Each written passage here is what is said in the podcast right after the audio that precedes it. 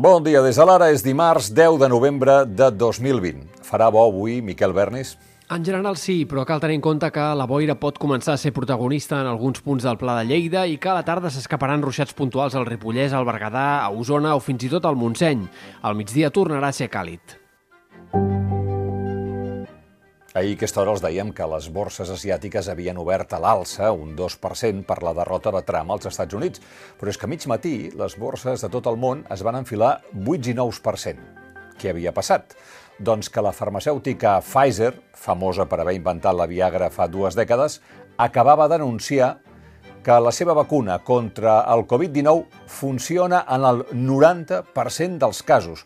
Total, que l'IBEX 35 va viure la seva pujada més forta en una dècada, 8,6%, i eh, fixeu-vos que les empreses que més han pujat han estat les més afectades per la pandèmia. A Espanya, per exemple, el sector turístic ha encapçalat els guanys. Melià va pujar un 37%. Ara, en general, a tots els valors borsaris els queda molt per recuperar les pèrdues acumulades durant aquests mesos de pandèmia que s'han fet molt llargs. Mirin la gràfica, a l'esquerra, la caiguda en picat, és el març. Això és el que va passar el mes de març.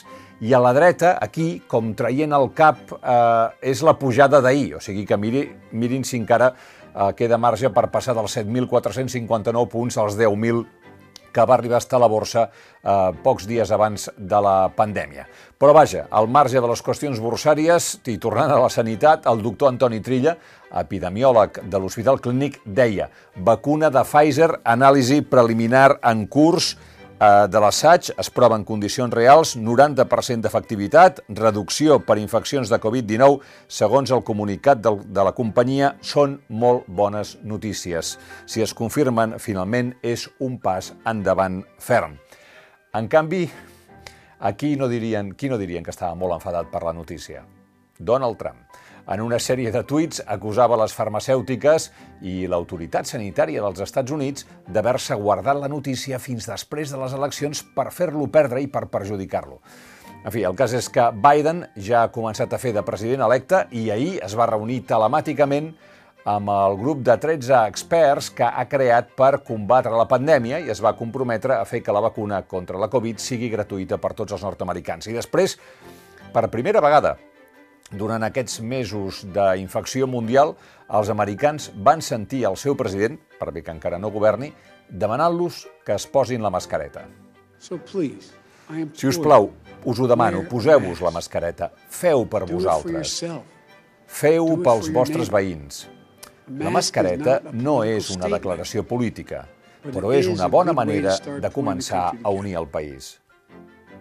Mentrestant, a Catalunya, Salut planteja 15 dies més de restriccions perquè el govern tem una desescalada arriscada que acceleri una, una tercera onada a Catalunya, que de fet es cavalqui la segona amb la tercera onada. Total, que bars i restaurants i altres comerços afectats estaran gairebé segur 15 dies més tancats.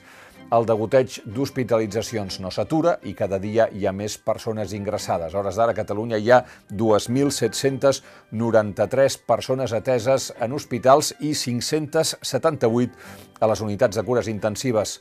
Després d'incorporar els llits dels centres privats de manera temporal al sistema públic, el 83% del total de llits de crítics catalans ja estan ocupats, 83%, i el 60% eh, dels malalts de coronavirus. Per cert, un pacient que ha estat donat d'alta és el director general de Salut Pública, el doctor Josep Maria Argimon.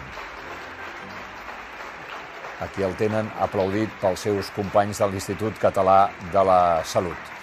Fins ara, la pandèmia ens ha fet parlar de salut, ens ha fet parlar d'economia, però ara ja hem de parlar d'ordre públic. Després que diverses persones tiressin diumenge pintura i sang contra la façana del Palau de la Generalitat, els Mossos d'Esquadra han dissenyat un dispositiu que reforça la seguretat de l'edifici. El conseller d'Interior, Miquel Samper, va assegurar ahir que hi ha un risc seriós d'atacs a diversos edificis del govern i, en concret, al Palau de la Generalitat, a la plaça de Sant Jaume de Barcelona, hi haurà almenys una furgoneta d'antiavalots. Durant 24 hores al dia i durant 7 dies a la setmana, el Palau estarà protegit en tant en quant no estigui estabilitzada aquesta crisi epidemiològica que estem patint. Ahir es va obrir el termini de només 48 hores per optar a ser presidenciable de Junts per Catalunya a les pròximes eleccions al Parlament. L'expresident Carles Puigdemont ho serà, segons ha pogut saber l'ara, diversos eh, membres, ho explica la Núria Oriols, eh, de l'executiva, han signat una carta en què li demanen que encapçali la candidatura dels comicis del 14 de febrer. La carta admet que no pot ser el president efectiu, però sí que li demanen que es presenti a les eleccions per revalidar que és el president legítim de Catalunya. I el primer a fer el pas dintre de la formació de presentar-se plaça de presidenciable ha estat el conseller de Territori, Damià Calvet.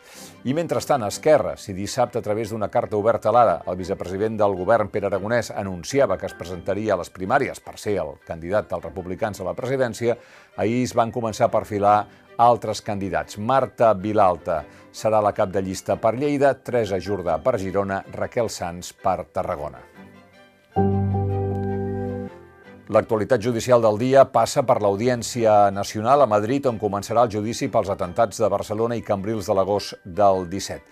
I un home es va presentar ahir a la comissaria de la policia local de Lloret de Mar i va confessar que havia assassinat la seva parella. L'home, 51 anys, es va entregar eh, passades les 9 del matí, va quedar, òbviament, detingut. Va assegurar que va escanyar la dona entre les 9 i quarts de 10 de la nit del diumenge. La víctima, segons el relat de l'atestat, li va retreure una infidelitat i li haurien mostrat un ganivet dient dient que el mataria. En aquest moment l'home la va escanyar per bé que després els policies, quan eh, van anar a l'edifici, ho van trobar tot endreçat i l'home no presenta cap marca o lesió. L'escriptor Eduardo Mendoza va rebre el Premi Internacional de Novel·la Històrica Barcino de mans de l'alcaldessa Ada Colau. Mendoza, barceloní que ara passa llargues temporades a Londres i que sovint ha situat la trama de les seves novel·les a Barcelona, va donar les gràcies amb aquestes paraules. Vull donar les gràcies a les biblioteques. A les biblioteques d'arreu del món, on he passat moltes hores que jo qualificaria de celestials. Sempre he pensat que si algun dia vaig al cel, cosa que dubto, el cel serà una gran biblioteca. I als esports avui expliquem que el Girona potser no té la qualitat d'altres temporades, però té coratge i competeix. I només així s'entén que ahir aconseguís no posar-se nerviós i puntuar un a un contra les Palmes quan tot indicava que tal com anava el partit marxaria cap a casa amb una derrota. Però no, va empatar un a un i els gironins ja encadenen cinc partits sense perdre.